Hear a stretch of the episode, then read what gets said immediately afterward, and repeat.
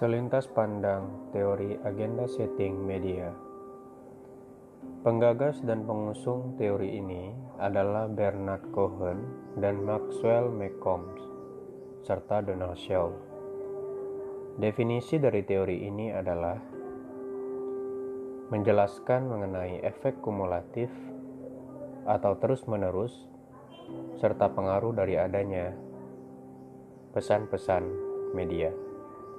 Asumsi dari teori ini adalah: pertama, masyarakat pers dan media tidak mencerminkan kenyataan, namun hanya menyaring serta membentuk isu-isu yang akan dikomunikasikan.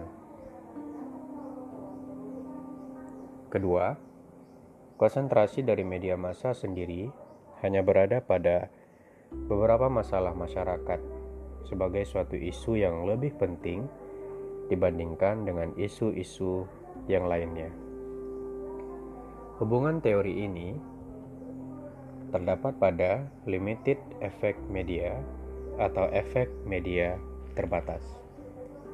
Titik berat teori ini terdapat pada efek atau dampak yang diberikan suatu media lewat informasi-informasi yang disajikannya terhadap khalayak. Kedua, apa yang media lakukan terhadap khalayak, baik itu lewat penyiaran, pemberitaan, ataupun iklannya. Tujuan dari teori ini adalah mempersuasi opini atau pendapat publik atau public opinion terhadap suatu isu yang tengah dikedepankan oleh media massa.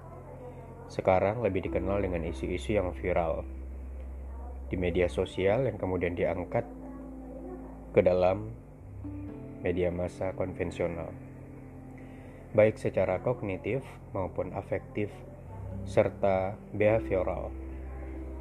Adapun kutipan-kutipan dari teori ini adalah sebagai berikut. 1.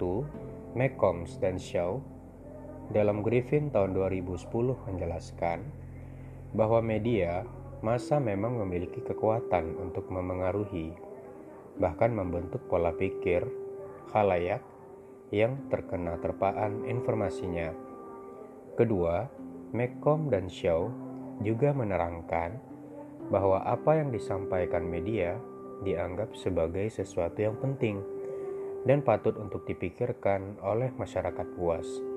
Ketiga, media bukan memengaruhi pikiran masyarakat, dengan memberitahu apa yang mereka pikirkan dan apa saja ide atau nilai yang mereka miliki. Akan tetapi, mereka memberitahu hal dan isu apa yang harus difikirkan.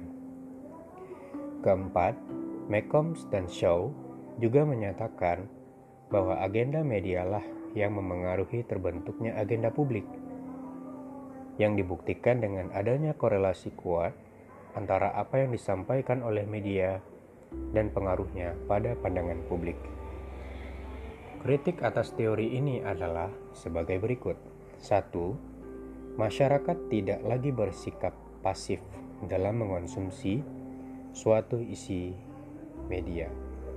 Kedua, masyarakat memilih dan mengonsumsi suatu isu yang disajikan oleh media berdasarkan berbagai alasan kegunaan minat, preferensi atau interest, dan kepuasan. Dalam teori menyebutnya uses and gratifications theory.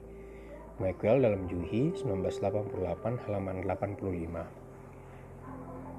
Ketiga, masyarakat mengonsumsi suatu isu yang disajikan oleh media berdasarkan suatu keyakinan yang ia pegang teguh atau selective exposure.